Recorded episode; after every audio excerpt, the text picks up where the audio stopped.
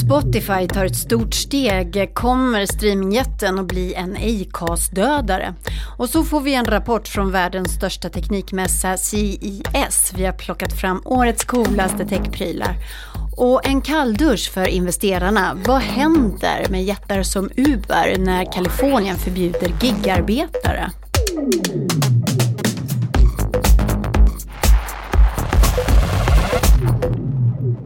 Hej och välkomna till Breakits podcast. Efter fyra specialpoddar om våra största svenska techbolag och deras framgångsrecept så är vi nu tillbaka i våra gamla hjulspår. Vi ska spana högt och lågt om det som hänt i det nya näringslivet den här veckan. Men först så tar vi telegrammen. I veckan blev det klart. Nätläkaren Kry tar in nästan 1,5 miljarder kronor, en kapitalrunda som leds av den kanadensiska pensionsfonden Ontario. Och med pengarna ska Kry fortsätta expandera ute i Europa. Siktet är högt. Miljontals fler människor inom Europa ska få förbättrad tillgång till sjukvård, säger vdn Johannes Schild. We're entering an era in which our enemies can make it look like anyone is saying anything at any point in time, even if they would never say those things. Facebook har på sin blogg förklarat att deepfake ska förbjudas på plattformen. Alltså AI-manipulerad video och ljud på till exempel en politiker som pratar. President Trump is a total and complete dipshit. Genom åren så har ju Facebook fått rykte om sig att reagera först när skiten har träffat fläkten och skandalen är ett faktum. Jag pratar till exempel om fake news och manipulerade demokratiska val. Men den här gången förbjuder alltså Facebook deepfakes innan tekniken ställt till med trassel på bred front. AI-lögner förbjuds alltså, men i veckan så stod det också klart att Facebook fortsätter att släppa fram vanliga politiska lögner i annonser. På den punkten backar man inte, trots kritiken. You think this is funny? Is this a joke to you? Filmbolaget Warner Brothers som ligger bakom till exempel Joker och Harry Potter-filmerna har signat ett avtal med ett Los Angeles-baserat AI-bolag som hävdar att deras system kan förutsäga vilken film som kommer att bli en succé. Än så länge så ska den artificiella intelligensen bara fungera som en rådgivare. Men hur som helst, det här är ett stort steg framåt för Hollywood som har varit sena med att omfamna ny teknik och maskininlärning. Det skriver Hollywood Reporter. Då så ska vi börja med att snacka om några av Sveriges mest omskrivna techbolag här i podden Spotify och Acast. Och till min hjälp så har jag Stefan Lundell. Välkommen till podden. Tack så mycket. I onsdag så släppte ju nämligen Spotify en nyhet som fick dig Stefan att gå igång lite extra. Ja. Vad var det? Jo, eh, faktum är att jag fick en, eh, en eh, väldigt bra eh, nyhetsbrev om, som är specialiserat på poddar, ett amerikanskt nyhetsbrev som uppmärksammar mig på en sak som, som jag tyckte hade gått lite grann under radarn faktiskt i svenska medier. Så jag tänkte att det blir bra att släppa här i podden. Men sen så vaknade faktiskt de sakta men säkert till här då på på den svenska, svenska kusten eller i landet. Så nu är det inte, det är inte helt sprakande nytt den här, den här nyheten, men jag tycker ändå det är värt att lyfta den. Mm, ändå hett. Vad är det som har hänt då? Jo, man skulle kunna säga att Spotify tar ett stort steg till att starta en Acast-dödare. Vi gillar ju att prata om olika dödare här. Jag vet, eh, Sebastian Siemiatkowski på Klarna brukar skoja med mig att vi har utnämnt väldigt många Klarna-dödare. De har varit döda flera gånger om om det hade stämt då.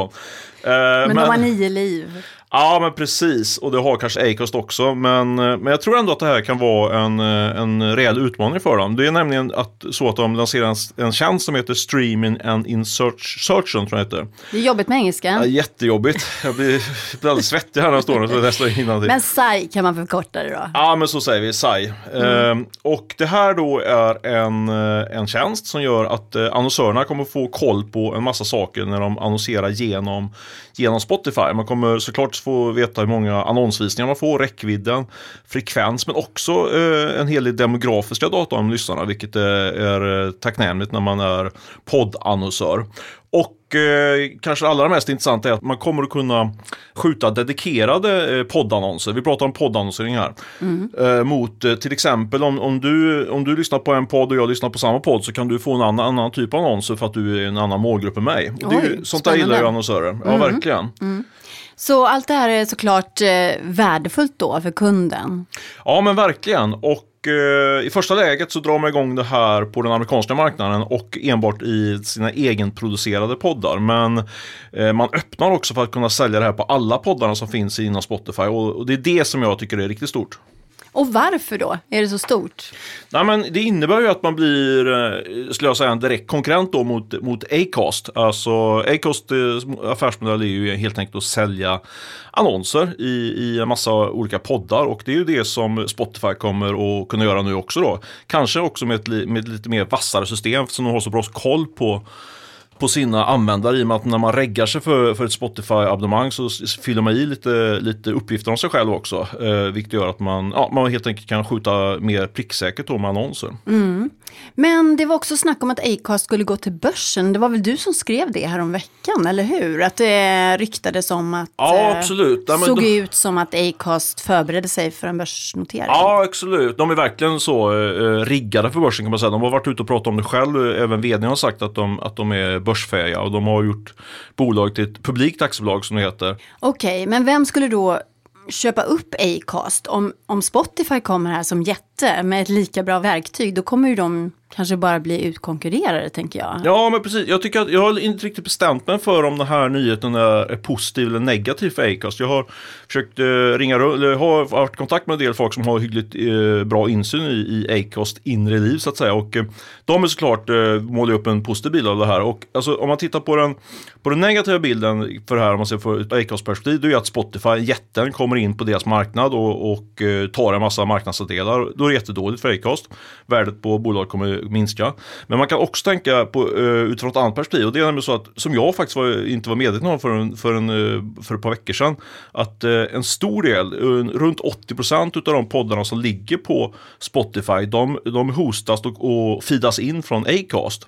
Så man kan lite förenklat säga att Acast står för ish 80% av Spotifys poddinnehåll. Och då kan man tänka så här om Spotify startar en konkurrent till Acast då kan ju Acast stänga av det innehållet och då får ju Spotify mycket mindre, eh, mycket mindre räckvidd att sälja på. Och eh, ja, det är ju inte intressant. Så därför skulle det kunna öppna för att eh, Spotify istället slukar Acast för att få hela det här innehållet då, som, som Acast byggt upp under många år. Oerhört spännande Stefan faktiskt. Ja. Och Spotify gasar ju som 17 när det gäller poddar. Nu släppte man ju nyligen fyra nya poddar. Premiumpoddar på svenska i alla fall. Just den här porrpodden mm. har de med va? Porrpodd? Nej, porrmoden var det. Ja, precis. Freudians felsägning där. Man gillar inte sex och porr på plattformen. Nej, det hette porrmoden. Porrmoden var det, precis. Ja, det, det var, det var en ganska, eh, true crime-serie kan man säga. Nej, men det är superintressant med med poddsegmentet. Du är ju verkligen eh, placerad rätt i, i, tiden just nu Kat. För, för podd är ju jättehett och, mm. och Spotify har ju pumpat in miljarder i det här segmentet. Så nu väntar man ju bara på att det ska eh, lyfta annonsmässigt också. Mm. Uh, Full transparens här Stefan då, alltså Spotify söker ju exekutiva producenter också. Mm -hmm. Jag sökte ett sånt jobb.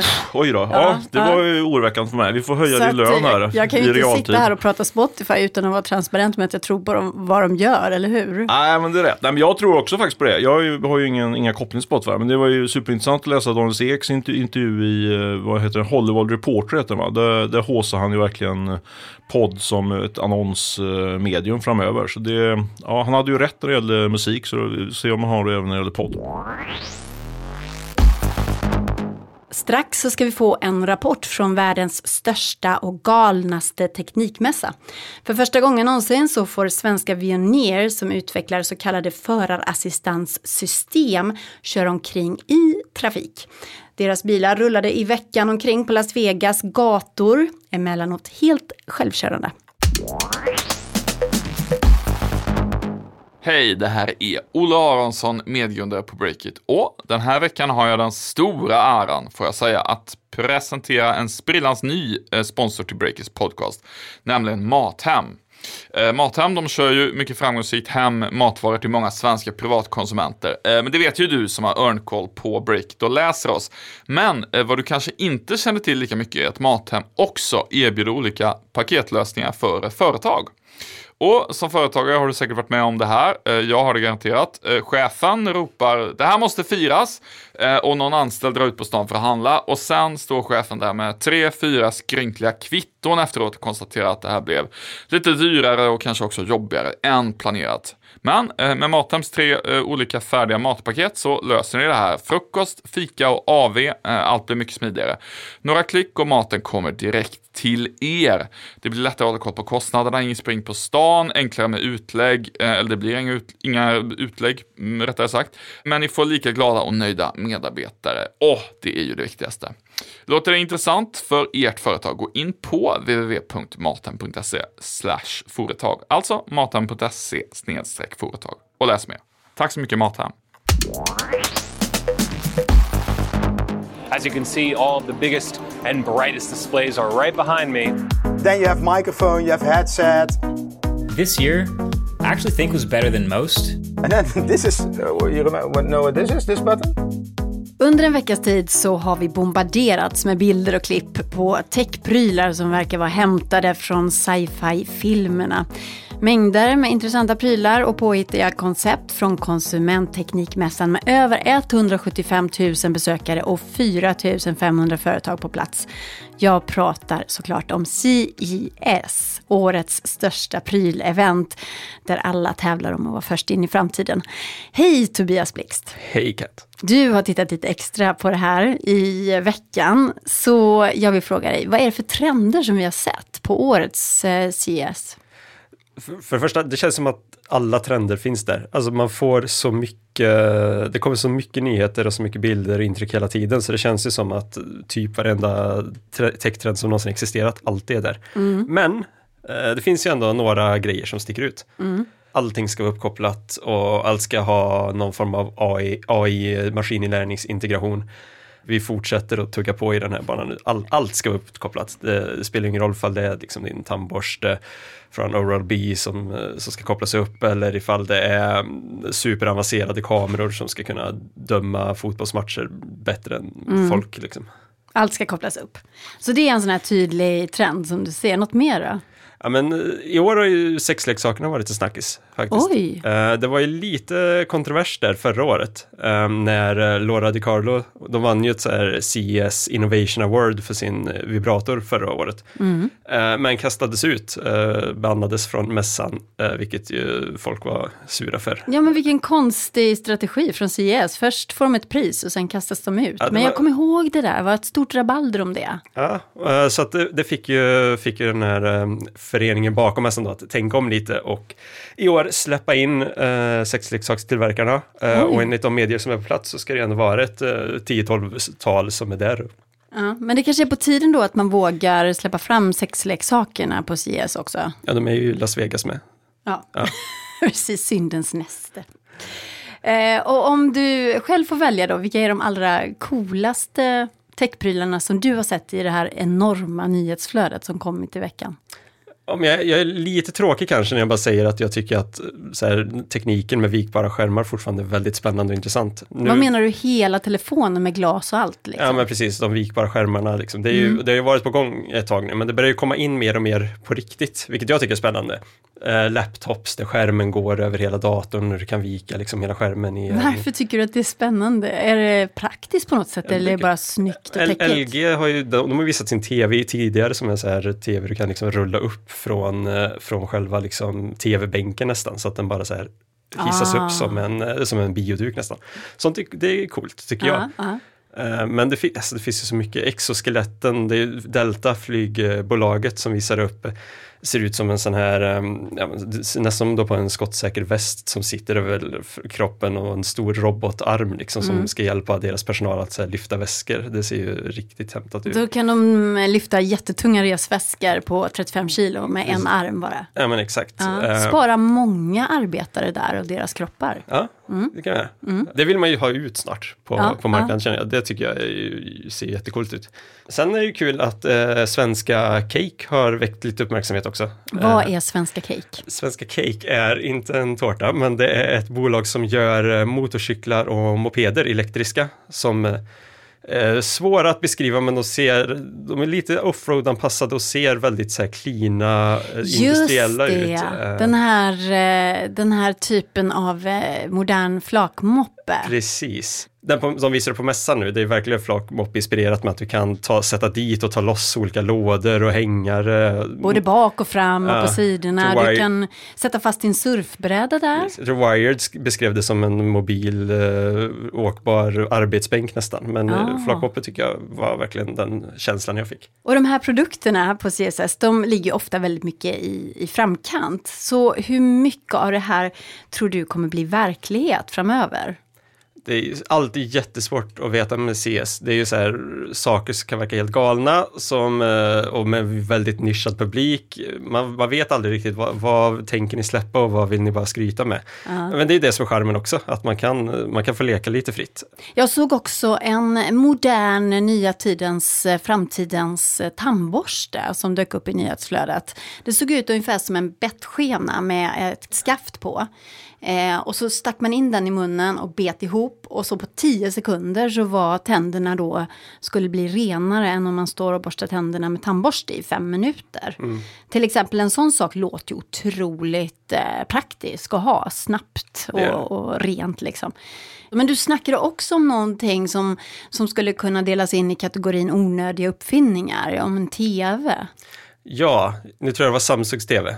Och de har ju gått all in på det här nu att eh, folk tittar ju inte på breda bilder i mobilen längre. Det är ju TikTok-generationen här som växer upp med höga, höga videoklipp. Så då har man ju då tagit fram en TV som automatiskt ska kunna vända sig för att visa. Ah, på högkant. Vilket jag, har svårt att se, tro på. Du skakar på huvudet. Men det låter väl praktiskt om man vill titta på TikTok i Men, storformat. så är det. Och det gör man ju på tvn ofta. Kidsen sitter alltid hemma och tittar TikTok på tv. Okej, så nu när du har eh, sonderat här i alla CS-nyheter, får du en himla lust att åka dit nästa år nu då? Jag, jag får ju lite ångest och panik bara jag går på Comic Con på Kista-mässan här i Stockholm för människorna där. Så att jag är ju svårt att säga att jag skulle överleva CS faktiskt. Men absolut, jag har ju aldrig varit där. Det skulle vara kul att såklart att gå runt och botanisera bland alla framtidsteknologi som visas upp. Jag har varit där en gång och det måste jag säga att det var helt överväldigande att vara där. Man blir liksom hjärntrött. För det är så mycket intryck och så mycket ljud och så mycket människor hela tiden. Vet du vad som är det mest populära på CES då? Båsen med massagestolar. Ah. Där folk bara sjunker ner som trötta, urblåsta ballonger och bara tar sig en massage. Så är det. Mm, det låter skönt. Lite mer från CES i Las Vegas hinner vi med. Veoneer, det svenska företaget som bygger system för självkörande bilar i Vegas den här veckan. Hejsan hejsan! Och jag pratade tidigare idag med Annika Larsson på Veoneer Jag är väl forskningsspecialist. som är forskningsspecialist och jobbar med att få till samarbetet mellan förare och bilen. Och den här veckan har Veoneers bilar med ett självkörande system rullat omkring i Las Vegas trafik. Men man måste hålla ögonen på vägen. Jätteviktigt. Måste vara med ändå i trafiken. Kravet är att föraren håller ögonen på vägen, annars så strejkar bilen. Kunder och investerare har fått känna på hur det är att åka i bilen när den kör sig själv. De tycker det är jättehäftigt att få se de här äh, bilarna i trafik. För att säga att ja, men nu har ni ju gått från de här koncepten till någonting som är på riktigt. Veoneer har vinstvarnat i år, men hoppas att de så kallade förarassistanssystemen, alltså förstadiet till helt självkörande bilar, snart ska nå massorna. Varje år globalt dör 1,4 miljoner i trafikolyckor. 1,4 miljoner. Det är ju helt alltså, barocka siffror. Så att även ifall vi då självklart fortfarande arbetar även med, med självkörande bilar så det absolut viktiga för att vi har inte råd att fokusera bara på det. Folk ska kunna lita på att de inte blir skadade i trafiken. Och det här sa Annika Larsson på Veoneer från Teknikmässan CES i Las Vegas. Nu ett hopp till Kalifornien, Silicon Valley och San Francisco fortfarande techmeckat där innovatörer och investerare skapar historia hemåt till exempel Uber. Och till min hjälp här i den här spaningen har jag Stefan Lundell. Hej igen! Hej hej! Jag är återkommande gäst här i den här veckan, det är skönt. Nu ska jag ägna en minut åt Uber. För företaget slåss just nu med näbbar och klor i sin hemstad Kalifornien för att inte hela företagets ekonomi ska ställas upp och ner. Och nu får du hjälpa mig Stefan, du får ställa frågorna där. Jag bara säger så här, uh, uh, vad är det som har hänt? Jo, vid årsskiftet så skulle en ny lag träda i kraft i Kalifornien. Enkelt uttryckt så är det så att den här lagen skulle förbjuda gigarbetare, alltså folk som frilansar som chaufförer åt Uber eller Lyft eller frilansar åt DoorDash och Instacart som levererar varor till dörren. Och de här arbetarna, menar politikerna, skulle från och med nu klassas som anställda och med det så skulle de få alla fördelar då som anställda har. Minimilön och kompensation för utlägg och potentiellt också sjukförsäkring som är superviktigt i, i USA då. Det låter dyrt för Uber eller? Ja, en källa inne på Uber är avslöjad för Wired att det här skulle kunna höja Ubers utgifter med 20 procent på sin allra största marknad, Kalifornien. Och eh, om den nya lagen hade gått igenom då räknar man med att eh, online-taxijätten skulle tvingas betala omkring 35 000 svenska kronor då per varje förare och år. för ett bolag som fortfarande inte går med vinst. Ja, långt ifrån. Mm. Så tänk om andra stater och andra länder också skulle tycka att det här var en bra idé och kräva att Uber anställer folk. Eh, såklart så har Uber och andra gigföretag kämpat emot den här lagen. Först så satsade man miljontals dollar på en eh, politisk kampanj då för att stoppa lagen. Och när den ändå klubbades igenom så stämde Uber staten Kalifornien. Och just nu så är det alltså inte klart vad som händer. Det ska avgöras i domstol framöver och det här blir ju en ödesdom för Uber. Och nu tänkte jag att du skulle komma in här Stefan och analysera lite. För det är jag... en rysare lika stor som Uber egentligen att jag ska komma in med. Men jag gör ett försök, jag gör ett försök. Men det är väl en rysare för ett företag som Uber och andra gigföretag i Kalifornien? Ja absolut, det, det är det. Även om jag tror att eh, det är någonting som de har eh, delvis kalkylerat med, att det finns där risken. Men eh, man kan ju inte kalkylera för allt heller. Och det, och det här är ju någonting som lite grann slår undan benen för hela i alla fall delar av affärsmän som man kan säga. Mm. Och du som träffar eh, toppinvesterare här i Sverige på piffiga frukostar på Rish och så emellanåt. Piffiga? Ja, de är piffiga. Goda. Eh, Nej, det är de inte. Eh, För jag är inte, vi är inte sponsrade. För någon gång ska vi bli sponsrade av Rish, men det är vi inte. Så de är, de är mediokra frukostar på Rish kan jag säga. Okej. Men du, stackars investerare kan jag tycka då. Alltså, nu har de satsat så mycket pengar och Uber har värderats till skyhöga höjder. Och, och då så kommer politikern in här och förändrar spelreglerna totalt för deras investering. Vet de om det här eller hur fungerar det egentligen hos investeraren, inne i huvudet på investeraren? Mm. Ja, men alltså de vet ju, jag, jag tycker definitivt inte synd om utan det är, det är lite grann name of game det här skulle jag säga. Eh, däremot vet de ju inte såklart att det här ska inträffa. Men man, man gör alltid en ganska omfattande så kallad due diligence, alltså man helt enkelt eh, undersöker det objektet man ska investera i. Och det gör man på, på flera olika delar.